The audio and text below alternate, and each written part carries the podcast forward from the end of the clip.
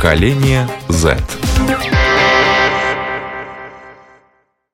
Здравствуйте, с вами Марина Талапина, режиссер программы Даниэль Йофф. И, как всегда, спасибо, что подписываетесь на нас, что слушаете нас и в подкастах на платформах Google, Apple и Spotify, а также на нашем родном сайте LR4 и на YouTube нас смотрите. И э, хочется сказать, что продолжайте это делать, продолжайте подписываться, предлагать свои темы, мы обязательно их рассмотрим. А сегодня мы поговорим о том, что более 150 миллионов животных ежедневно убиваются для того, чтобы попасть кому-то в желудок. И э, если к ним прибавить пойманных в дикой природе, выращенных на фермах рыб, мы ежедневно получаем около трех миллиардов особей, которых э, в итоге зажаривают, э, заваривают и так далее. Почему я не ем трупы животных? Так назвали мы сегодняшнюю тему. Я рада представить с нами на связи Анжелика Элксна. Всем привет. Каролина Гонцовская. Привет. Маргарита Белова. Да, привет всем. И Ася Цауны. Это я. Вот расхожая фраза, банальная, тривиальная, мы то, что мы едим. Что вы едите и почему? Кто готов начать? Все едим. Давай.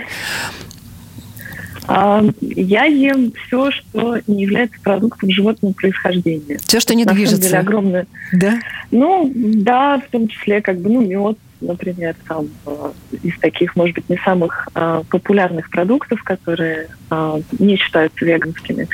И на самом деле ем очень много всего разного. Это очень такой классический, на самом деле, вопрос, который ты слышишь. Но если посмотреть на список продуктов, которые не продукты животного происхождения, но это простыня из более ну, много сотен наименований. Вот. Овощи, фрукты, крупы, орехи. Из всего этого можно сделать блины, котлеты, запеканки, супы, все что угодно на самом деле. И плюс, конечно, сейчас технологии идут вперед, и есть огромное количество ну, так, так называемых альтернатив веганских, там, сыру, каким-то мясным продуктам, молочным и так далее. То есть, если очень хочется, ограничивать себя не надо. Но я думаю, что тебя поддержат э, все остальные присутствующие. Покивайте. Да, все кивают. Если кому-то что-то есть дополнить, то вперед дополняйте. Можно? Я люблю а, сама всякое, я даже молоко делаю сама овсяное. Это все настолько просто, оказывается. Купила себе комбайн, и из него там можно делать и хумус из турецких бобов, и то, то молоко в блендере, и что только можно не делать? А, и любимая арахисовая паста. Это вообще просто незаменимо по утрам. Мажешь на хлеб. И, и это все без животных, без участия да, животных, все своими руками за пару секунд вообще. И это недорого. Тоже один из мифов, да. что веганство это дорого, а это недорого, это на самом деле все очень по-людски по можно позволить себе. А, Ася? Я хочу сказать, что мне кажется, с переходом на веганство, то есть уже 4 года, я начал более разнообразно питаться, и мне более я хочу подобрать себе рацион, и это действительно просто, вкусно и дешево. Ну, то есть, э, даже если у тебя немного денег, э, ты можешь подобрать себе вкусную э, еду веганскую. И не обязательно покупать какие-то супер крутые альтернативные продукты, чтобы хорошо питаться и полноценно, типа, с витаминами всеми нужными. Ну вот, вот. по поводу полноценности мы обязательно отдельно э, поговорим. Я так понимаю, что вы, в принципе, ели мясо. Когда-то это было в вашей жизни. Да? Да. И каким... Я думаю, все, большинство такие э, из веганов. Ну, то есть сложно будет, я думаю, найти веганов, которые были выращены, выращены веганами именно с детства. Поэтому большинство такие, как мы. Но отказ у веганов э, от мяса происходит по разным причинам. Поэтому я хотела бы вас спросить о причинах. Почему вы отказались от мяса? И, конечно, есть много причин. Есть три главные причины. Одна из них – это здоровье. Я не уверена, насколько, ну, насколько здоровье веганская диета мясоедной в общем. Э, я немного про это читала – Вторая причина – это эм, environmental. Типа ради планеты, допустим. Допустим. Ну да, для планеты. Зеленая, да. Зеленая причина. Да. А, и третья причина, я думаю, самая популярная среди веганов, это именно моральная, этическая причина. И я с самого детства очень любила животных, но когда я в 6 лет собиралась стать вегетарианкой, на следующий день мне нечего было есть, я съела бутерброд с колбасой. Так что это был довольно долгий процесс. Но я веган именно из-за того, как люди обращаются с братьями нашими меньшими. Есть кто-то из вас, кому не нравится мясо само по себе? Просто вкус мяса. Я скажу. Да, конечно. Просто, просто у меня лично такой этап был, что с переходом на веганство после какого-то года или двух мне физически и противен уже запах мяса именно готовящегося. Ну, то есть ну, мне нравится текстура веганского мяса, но те мои друзья не веганы, которые его пробуют, они такие, это совершенно не похоже на реальное мясо. И... А что такое веганское мясо? Объясни на вкус, как а... это? Тебе нравится У текстура? Нас... Текстура это, ну, волокнистая, я так предполагаю, текстура, а вкус какой? У нас есть совершенно разные виды мяса. То есть э, сейтан, тофу, темпе, э, просто типа гороховый протеин. Соя, А это не попытка ну, да, соя, обмануть конечно. мозг, что все-таки я мясо ем, просто оно такое вот, оно, оно не выросло нигде, его не убили. Come on! Uh, попытка обмануть это то же самое, как если вам дать просто или кому-то uh, мясоеду, если дать uh, просто кусок мяса без всяких приправ, которые приправы все веганские, без гаршвела, тогда они будут такие, что это такое, это же невкусно. Мы используем те же приправы, тот же самый протеин, мы также его готовим. То есть, Нет, тут э, очень интересный момент. Не знаю. Айс, извини, что я перебиваю, просто О. тут очень интересный момент, да.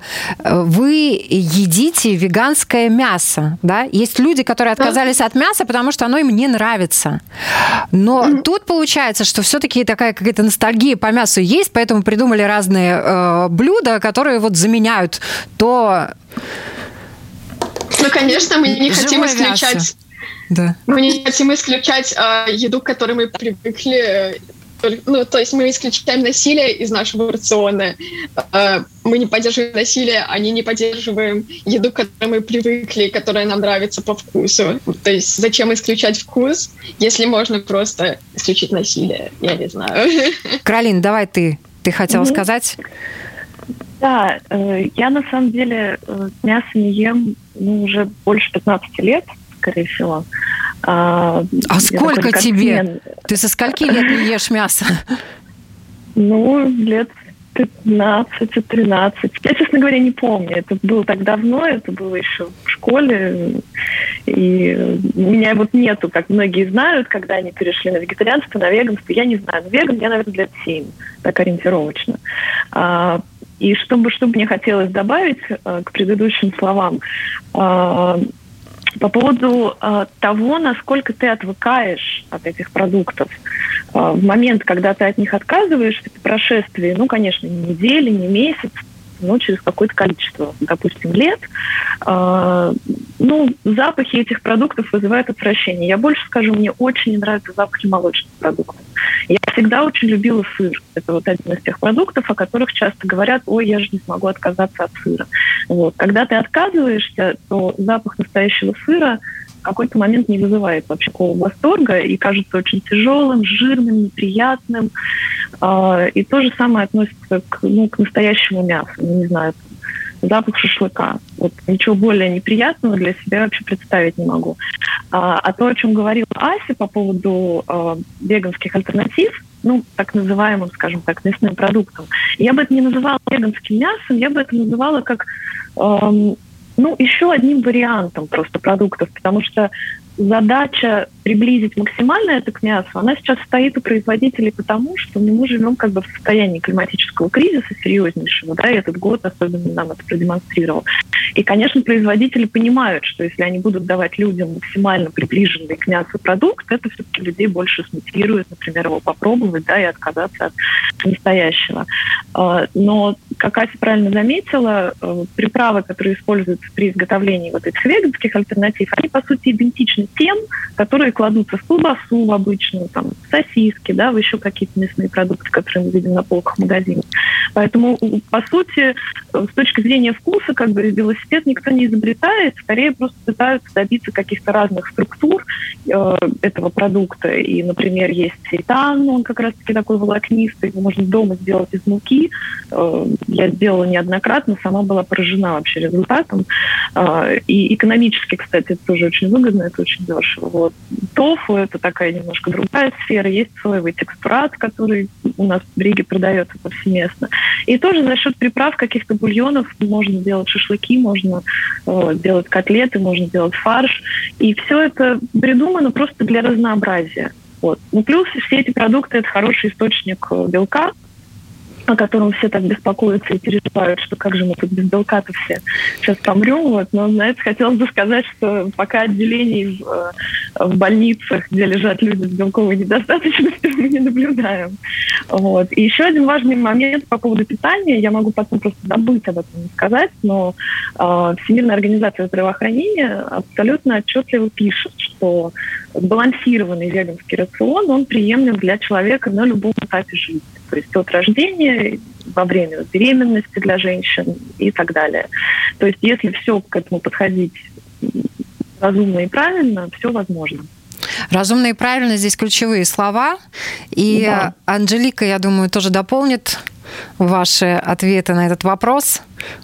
Что тебя заставило отказаться от мяса? Его запах, или Ой, я... идея? Нет, я тоже вообще, как обычно, все люди ела да, себе мясо, жила себе, пожевала. Я вот помню тот день, я в сырном еще магазине работала, на минуточку, напротив мясного магазина. Я сидела себе, что-то смотрела туда на мясной магазин, и как-то у меня сама мысль пришла о том, что я вот не хочу в себя эту живую корову вот как-то потреблять ее, потому что она вот жива. Она себе. уже не живая, она мертвая. Хочу, да, бывшую живую корову употреблять как-то в пищу, и мне так стало как-то жалко и грустно, и я вот прям сразу перешла. Главное, какие фильмы я не смотрела, я только потом посмотрела фильм «Земляне», расплакалась, еще больше убедилась во всем этом грустном действия. И да, и вот так вот перешла тоже из этих вот моральных соображений, получается. И только потом, со временем, я начала копаться во всех этих составах. Мне всегда, в принципе, это интересовало. Вначале была фишка с пальмовым маслом, а потом я начала просто еще больше углубляться, и вот чтобы именно все это было да, по белкам. И главное, не только белки, а тут должны быть эти аминокислоты. Ну, бесспорно, да-да-да. Мы об этом вот-вот-вот мы об этом поговорим Это поподробнее. Важно. А сейчас я хочу тебя попросить mm. рассказать об акциях, в которых э, ты и твои соратники, соратницы участвуют, да, потому что эти акции, они очень э, наглядно демонстрируют э, ту боль э, за животных, которую, наверное, может испытать любой человек человек, да, будь то веган, будь то мясоед, неважно. Расскажи о них поподробнее, и мы заодно зрителям, которые нас видят, покажем их.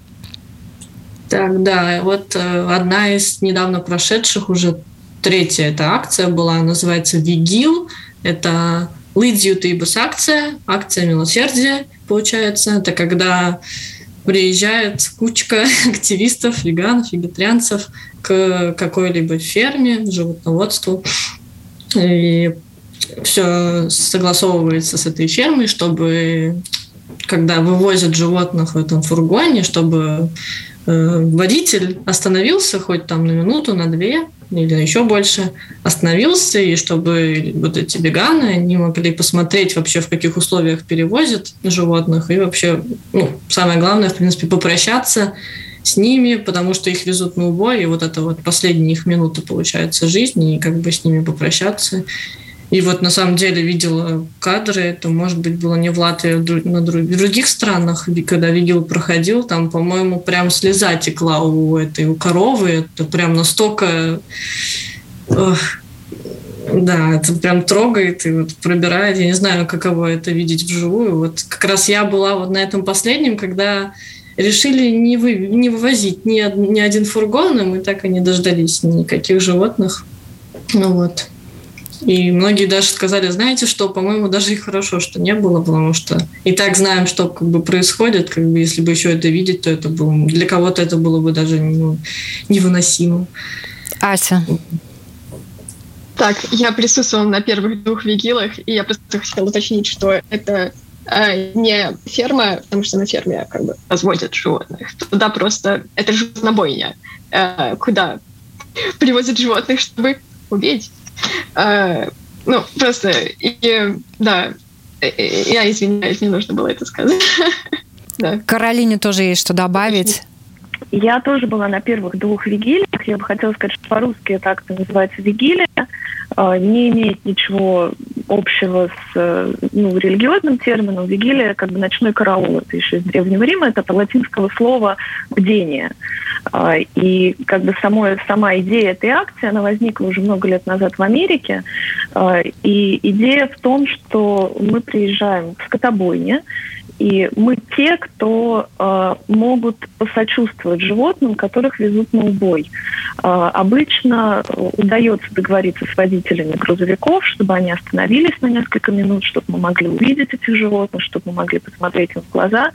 И это э, как бы всесторонний такой тяжелый моральный опыт, естественно, э, потому что э, ты э, как потребитель, приходя в магазин, видя мясо в красивой упаковке, ты не задумываешься, что это стоит. Тебя всю жизнь растили и воспитывали таким образом, что это была какая-то часть нормы ну, тебе не приходило в голову, что как-то что-то с этим не так может быть. Но при этом детей мы воспитываем и растим с идеей о том, что надо любить природу, надо любить животных, там нельзя обижать собак или кошек и так далее. А, и здесь во время этой акции у тебя есть непосредственная возможность посмотреть в глаза своему обеду, увидеть, что у него эти глаза есть, что эта корова дышит. А, и, а, например, на первой вигилии который мы организовывали в Латвии, а, на убой привезли корову с маленьким теленком. И ты видишь маму с ее ребенком. И ты понимаешь, что это какая-то личность перед тобой, да, то есть это родитель, вот, вот она этого ребенка родила. И сейчас они въедут за ворота, и как нам потом уже рассказали а, представители этой скотобойни, где мы были, которые вышли с нами, провели с нами диалог, а, пошли нам навстречу, отнеслись с пониманием к нашей акции. А, после того, как животных привозят и после того, как они попадают за ворота этой скотобойни, их, в принципе, убивают в течение часа. То есть вот. они умирают не сразу? А, ну нет, они умирают не сразу, там есть, конечно, определенный процесс, все зависит, я думаю, от масштабов, э, в кавычках, производства, от количества привезенных животных. А, недавно еще поступила информация нам от одного, от одной из скотобоин, что а, они якобы, привозя животных, держат их в этом месте еще какое-то время, чтобы те могли успокоиться. Но тут надо понимать, что животные, они живые существа, они тоже боятся, они тоже испытывают такие же, по сути, эмоции, как и мы. И успокоить это перед тем, как тебя убьют, ну, вряд ли кто-то сможет. Они прекрасно понимают, что с ним происходит. Они преодолевают огромные расстояния в гигантских трейлерах. Но если мы говорим про Латвию, да, если мы говорим про мир, то там вообще как бы их везут по морю, их везут без еды, без воды, в жару и вообще в любых условиях. Потому что мы живем в мире, где животные стали продуктом. И вот тут еще затрагивая предыдущую тему о причинах вообще, почему там, я и многие другие перешли на веганство. Ну, представьте себе ситуацию, в которой мы сейчас живем. Человечество выращивает миллионы и миллиарды животных с единственной целью – целью уничтожения – ну это же страшная вещь как бы для нас, у нас вызывает ужас убийство людей, да, там в масштабах войны или там в масштабах города, там какого-нибудь маньяка и так далее. А тут, вот как вы, Марин, в начале передачи назвали нам страшные цифры, да, каждую секунду мы убиваем миллионы, которые мы специально для этого произвели на свет. Это же дикость абсолютная. Маргарита. А, я, мне, в принципе, э, добавлять мало есть что, потому что я не была на всех трех вигилиях, которые э, проводили Рига Animal Safe, в которой мы все состоим. Но год назад я ездила как разведчик на одну из бойнь эм, вместе с одной девушкой, Валерией, тоже из Рига Animal Safe. И наша задача была, э, не договариваясь с бойней, потому что наш предводитель сказал, что с ними трудно разговаривать вообще на эту тему.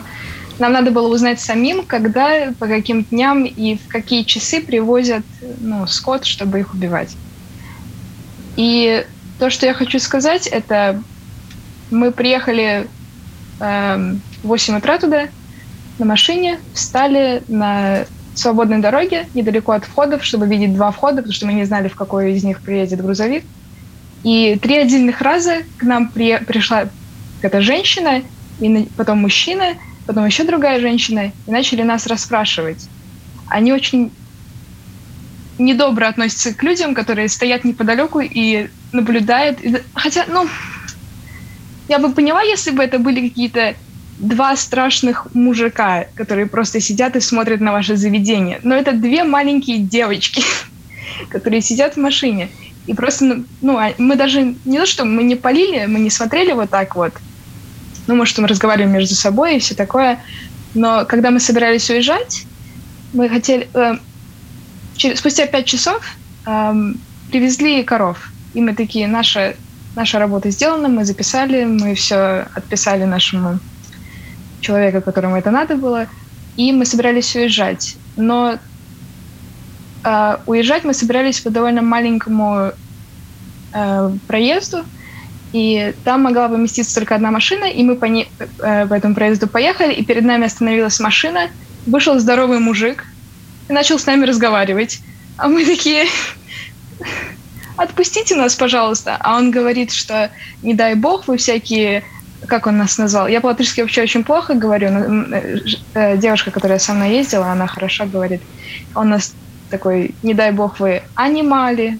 Это вот, я так понимаю, веганы, которые за права животных. И мы такие, нет, нет, конечно. И только тогда он нас отпустил. Я не знаю, зачем быть настолько секретным и настолько агрессивным к людям, которые не на вашей приватной территории и просто minding their own business, так сказать. Но они вам не угрожали? Я бы сказала, что остановив нашу машину без нашего разрешения, прямо ну, поставив свою машину перед нашей, и ну, это выглядело как угроза, но вербально они потом выглядело... вам не угрожали, что вот если вы там веганы да. или еще кто-то, мы сейчас пойдем вместе с теми коровками. А, нет, нет, слава богу, нет. Вот, так что животных, которых э, везут на пони, я видела только вот так вот издалека, и было штук пять коров, наверное, и мне уже было довольно плохо. Я не знаю, как бы я выдержала полную вигилию, где надо это снимать, и надо не знаю, как-то на камере хорошо выглядеть при этом. Ася, ты хотел что-то дополнить? Во-первых, да, это ужасно стрессовая ситуация. Естественно, для животных там намного, намного более сильный стресс, естественно, но просто по собственным ощущениям это было ужасно. Меня тошнило несколько раз. Да, просто видеть, как их глаза и просто, когда останавливались грузовики, которые их везли, а, животные падали буквально словно кегли с этим звуком, и это было, не знаю, ну просто их не воспринимают как живых существ, они просто как предметы, как вещи. И когда ты видишь, что они сейчас заедут в эти ворота, и ты совершенно ничего не можешь с этим сделать, ну просто, да, успокоить их как-то хоть немного, но ты чувствуешь собственное бессилие. И самое абсурдное а, в этой ситуации то, что нас окружают всю жизнь с детства буквально все эти рекламы с счастливыми животными э, мясных компаний. Сложные эмоции, которые вы переживаете, но вы туда приезжаете, да, и понятно, что вы от этого уже отказались, да. Вам не надо смотреть на то, как животных убивают, э, для того, чтобы не есть животных, да. Вот э, Основная Но... Ну, цель э, ваших посещений Каролина? В Латвии, если мы говорим именно про Riga Animal Safe, это привлечение внимания общества.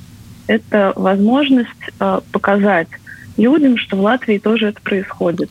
А, мы проводим, а, сейчас в период пандемии э, мы этого не делали, но обычно мы проводим еще уличные акции, где мы показываем в центре города, а, где мы показываем различные видеоматериалы. И раньше эти видеоматериалы, ну, скрытая камера, то, что происходит в различных э, производствах, там мясо, молока и так далее. Ну, это были какие-то международные материалы.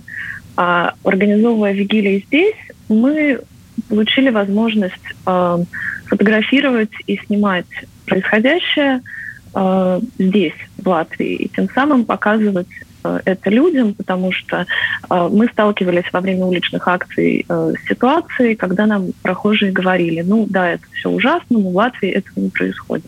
Нет, это происходит в Латвии, абсолютно во всем мире. Э, это одна, наверное, из таких главных наших задач – привлечь внимание людей, привлечь внимание медиа. Э, нам очень повезло, что и в этот раз, и в предыдущие разы она писали и региональные газеты, и э, приезжало телевидение, снимало эти акции. И тем самым э, мы инициируем какую-то дискуссию, собственно, как сегодня, что я очень надеюсь, может быть, даже хотя бы если это одного человека заставит задуматься о своем выборе, это уже большая победа. Ась, ты добавишь что Мне очень, да, мне очень не понравилось, что на нашем первом вигиле э, мы больше концентрировались как раз-таки на медиа э, присутствии, чем на том, чтобы как-то успокоить животных. И мне это очень не понравилось. Типа все снимали, а мне было просто очень плохо, что я чувствую боль животных, я не знаю. Но а, а... ты говоришь очень эмоционально, и с одной стороны очень понятно, но с другой стороны для того, чтобы нанести до других людей свою мысль, свою цель, не снимать невозможно, да, а да, э, люди, которым тяжело туда приезжать психологически, я думаю, что туда не надо заставлять никого приезжать, потому что, ну, это травма психологическая, по-моему, для людей, когда... Как мы не заставляем. Это не для всех а, точно. Но ты сама сказала, что успокоить животных перед смертью, в принципе, ну, невозможно. Они чувствуют э, да, адреналин других животных, э, и все перед этим преодолели какой-то путь, тряслись в фургонах и так далее. Успокоить животных – это такая, ну, по-моему, непосильная задача. Или я ошибаюсь? Нет, конечно, это невозможно. А, я тут в двух словах скажу просто про международный опыт. Вообще со, со сами акции Вигилия начались э, в Канаде э, и э, в Америке, насколько я знаю, разрешено, например, поить этих животных водой вот, потому что они преодолевают огромные расстояния, э, и активисты, которые проводят в Америке и в Канаде вигилии регулярно, чуть ли не каждый день, э, у них такая возможность есть. И, в общем, с этого все началось. Э, но тут, конечно, зависит тоже от конкретного места, от конкретной скотобойни и так далее. Понятно, что тогда э, мысль была такая, что ты являешься свидетелем, это то, что по-английски называется bio-witness, а, то есть ты берешь на себя вот этот груз, а, который другие люди на себя не берут. Да? Человек, который пришел в магазин и купил сосиски, он на себя никакой груз не принимает. Может быть, он даже примерно понимает, что это мясо животного.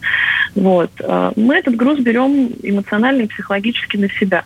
Вот. Понятно, что это сделать может далеко не каждый. Мы никого не заставляем с нами ехать, но если человек проявляет какой-то интерес – Э, то мы всегда э, его поддержим в любом случае. И мне бы хотелось э, как бы выразить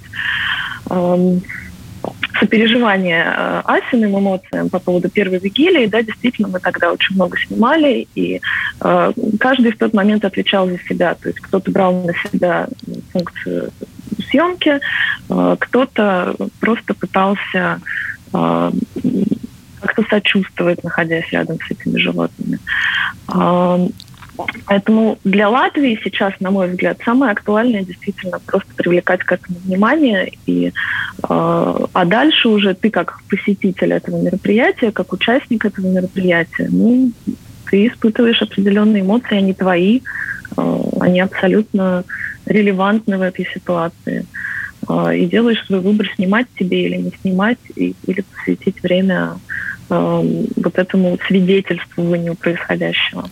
У меня к вам вопрос э, следующий. Когда животное домашнее, собака, кошка э, заболевают и их усыпляют, везут усыплять, это гуманно или их необходимо лечить, как и людей, если у них есть рак, например, их э, лечат до последнего.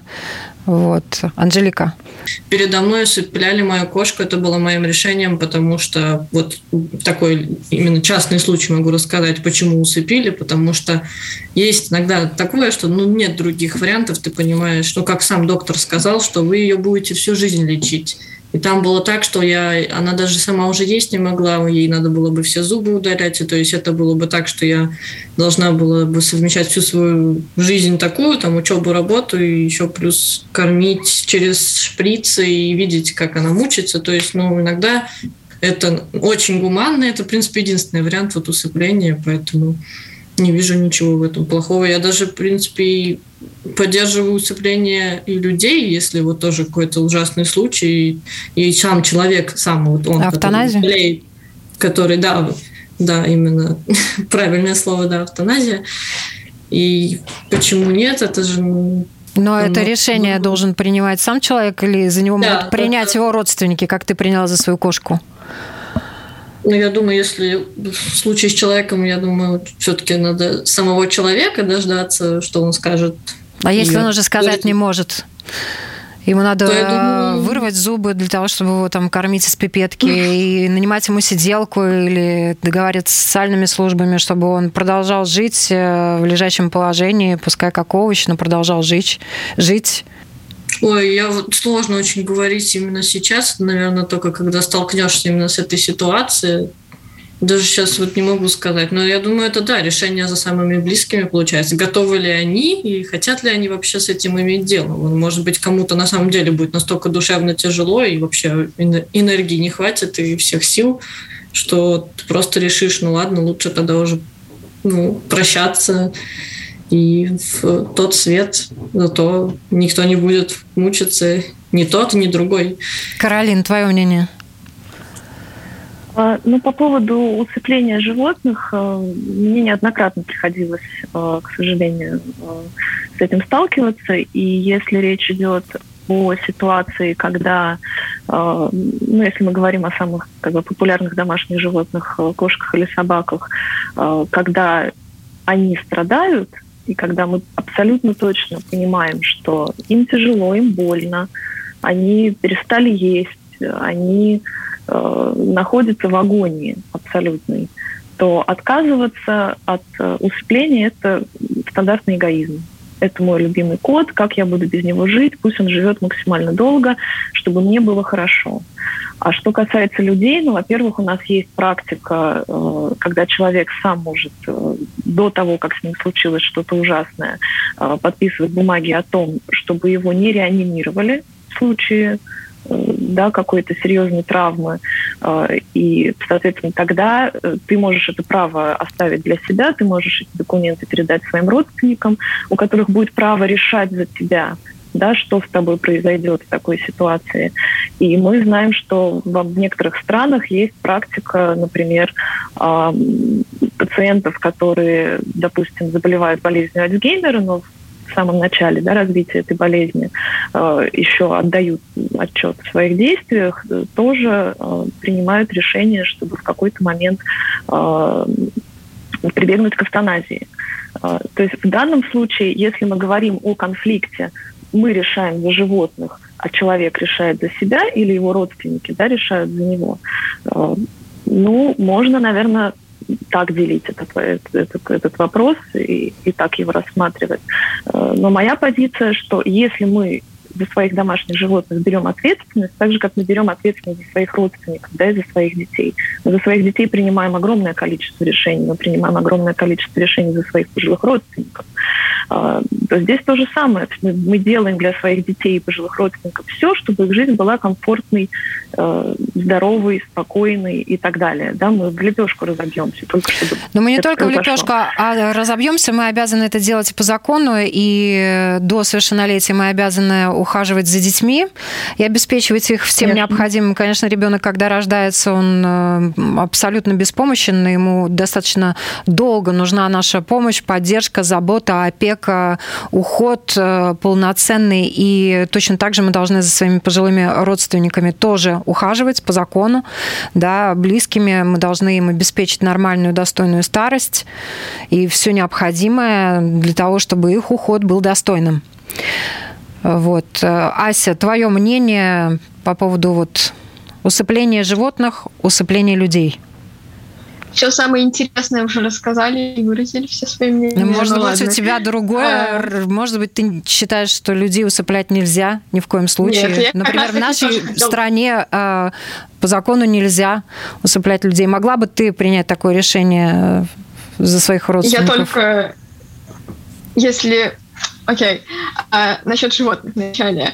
А, это полностью жестоко, если а, с нашей стороны будет, если у тебя болеет животное, и ты только ради своей какой-то выгоды а, типа, но иногда не ради выгоды, иногда просто будешь... дорогостоящие, извини, пожалуйста, я тебя перебью, но иногда просто операция до, до, достаточно дорогостоящая, поэтому не делают операцию, чтобы, ну вот, э, не делать, э, не, не, не тратить деньги на операцию в случае, например, онкологии у животного, да, не вырезают ему эту опухоль, а просто вот, ну, он усыпляют. Да. В отношении хм. животных эти э, моменты решаются достаточно, ну так, проще, быстрее, радикальнее, да. Mm. В отношении людей, там, если онкология какая-то, все-таки пытаются бороться до последнего, до четвертой стадии, до термальной стадии, когда уже помочь нельзя, тогда уже, да, даже врачи говорят, что да, ну реально сейчас ничего mm. нельзя сделать, можно только вот обезболить. Что касается э, дорогостоящих операций для животных, ну вот смотрите, у вас больной кот, операция стоит много денег. У вас есть возможность его усыпить да, за определенную сумму, которая значительно меньше цены операции. Но давайте я э, навлеку на себя кучу гнева радиослушателей и скажу, что когда у нас больной ребенок, мы сделаем все абсолютно, и, как вы правильно заметили, мы обязаны это сделать чтобы как-то ему помочь. То есть человек, который взял на себя ответственность, взял себе кукушку или собаку, он это зачем тогда сделал? Если при любой какой-то неудобной ситуации, а, ну я же усыпить могу. Но это тоже, согласитесь, какой-то странный подход. И здесь вступает в силу такое понятие э, специфишизм или видовой шовинизм, что одни у нас достойны как бы помощи, а другие вот есть такая опция. Ну, я поэтому и начала задавать вам эти вопросы, потому что а, рак у животного и рак у человека а, – это разные решения. К сожалению, у меня был опыт. Я бывала в онкологических детских э, отделениях больниц, и я видела детей, которые на последней стадии заболевания, э, которых э, пытаются удержать здесь. И видеть этих детей, смотреть им в глаза очень тяжело. Потому что мы, кто не находится да, в этой ситуации, кому повезло, скажем так, мы себе представить не можем, насколько это все больно, тяжело и ужасно. И ну, в человеческой медицине существует понятие клятвы Гиппократа, что надо помочь во что бы то ни стало и так далее. Но опять-таки я апеллирую э, к опыту некоторых других стран. Понятно, что э, знаете, человек у нас сейчас такой абсолютно антропоцентризм. Человек в центре всего. Человек главный. Мы его будем спасать. Он у нас всегда в приоритете. Вот. Но надо понимать, что, на мой взгляд, по отношению друг к другу, людей к людям, ну, тоже должен быть какой-то этическо-моральный кодекс. Если мы буквально ну, есть же. человека. Я прошу прощения, у нас остается очень мало времени. Взять и усыпить э, и человека, и животное, вот на самом деле э, это вопрос этики, И мне очень интересно, необычно, что вот э, вы к этому так относитесь. Маргарита, тебе слово по поводу усыпления животных и людей. Um, усыпление животных, значит. Uh, я не знаю, насколько в Латвии развита медицина именно животных. У меня есть кошка, если она, не дай бог, заболеет, я не знаю, какие у меня будут варианты. Но ну, ты будешь собирать что... деньги, и я не знаю, как собирают деньги для людей там на операцию, пытаться ее все-таки вылечить, или ты скорее пойдешь и успеешь? Я буду собирать деньги. Конечно, не до такой степени, что я останусь на улице, или не, до определенной степени я буду собирать деньги. Не до такой же степени, как если бы моя мама была больна раком, но все-таки я, у меня есть некое различие между животными и людьми. Вот в, в, этой, в этом смысле. Приоритеты ты имеешь в виду, да? Даже за жизнь, ну, скажем, не мама, потому что мама это естественное больше любого другого человека на свете. Так что ставлю в приоритет. Но мы сегодня с вами подняли очень такие достаточно серьезные, глубокие моральные э, вещи, тяжелые, наверное, да но не просто. Дискуссия у нас такая получилась серьезная. Спасибо вам большое за нее. И, наверное, буквально каждый вот два предложения в завершении нашей программы и резюмируем. Анжелик, давай начнем с тебя. Чему тебя сегодняшняя передача научила, открыла, заставила задуматься? Ну, я с девчонками согласна, и, в принципе, если добавлять, то мы, конечно же, не хотим это никому навязывать, потому что навязывать что-либо ну, никому не нравится. И, и да, и хочется, чтобы как-то у каждого ну, было естественное это желание, а если нет, ну, я, в принципе, признаю и то, что есть такие люди, которые вот реально принимают, принимают животных как ресурсы, но если так, то, значит, так, ну, наверное, не заставишь. Хотя, я думаю, все меняются, и у них тоже может что-то поменяться. Вот. В завершении могу сказать э, цитату Льва Толстого, который, кстати, был вегетарианцем, когда испытываешь боль при виде страдания другого существа, не скрывайся от зрелища страданий, а наоборот, приближайся и беги к страдающему и спасай. Вот. Ася? А, мне кажется, нам просто нужно поменять а, свой mindset а, и воспринимать животных не как а, какой-то вещь, для, которая оказывает какую-то услугу. А, то есть у меня, например, две крысы живут, э, и когда одна из них заболела, у меня не было денег, но я собрал на операцию деньги, больше 200 евро, и пошел и сделал эту операцию, потому что для меня было важно его состояние. И многие мне говорили, это просто крыса, какая типа разница, это просто типа маленькое какое-то животное, это даже не кот или собака. А, но если для тебя действительно важно, и ты заботишься о нем, ты обязан это сделать. Я, наверное, как и многие веганы про себя говорили до веганства, я никогда не смогу стать веганом, я не могу бросить сыр или какие-то продукты э, ПЖП. Но, как видите, мы все здесь веганы, и мы все как-то перешли, и все нормально. То есть все возможно, просто нужно поменять свое мышление, я считаю. Вот. Спасибо, Маргарита. Да, я хотела бы сказать спасибо, что вы нас пригласили. Вот, мне кажется, самое главное сейчас для э, именно веганства, для э, прав животных, это именно афишировать нашу позицию, потому что, бог знает, и я была такой вот, о, эти веганы, фу, что они мне говорят постоянно, что они мне навязывают. Но в какой-то момент все-таки пришлось послушать, и теперь я этот веган. Поэтому, да, спасибо, что дали нам такую возможность. Каролина, завершай. Да, ну я бы в завершение тоже хотела поблагодарить за то, что вы нас позвали. Мне кажется, эти темы надо обсуждать э, под разными углами. Э, и под конец мне бы хотелось сказать, что вообще как бы вопросы и идеи веганства э, основаны на том, чтобы быть честным перед самим собой.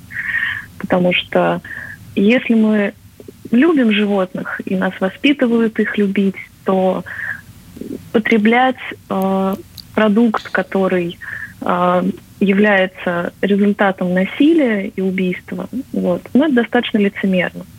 Нельзя учить ребенка любить и восхищаться коровкой на лугу, а вечером кормить его котлеты из этой коровки. А, на мой взгляд, это какая-то э, дикая абсолютная история.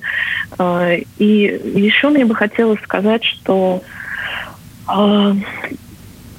чем э, чаще мы сами э, задумываемся о себе, можно ругать веганов, можно ругать вегетарианцев, активистов. Это все мы умеем. Кого-то ругать, кого-то не любить, э, осуждать.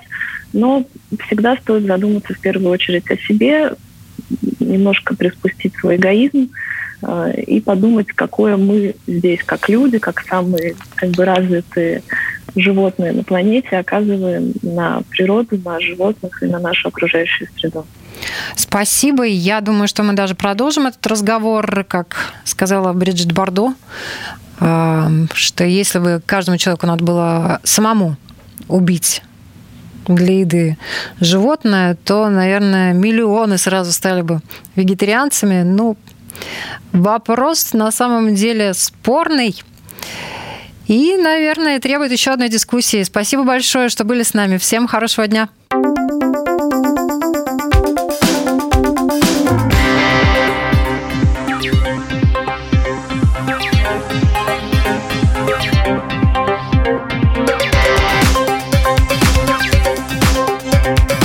Поколение Z.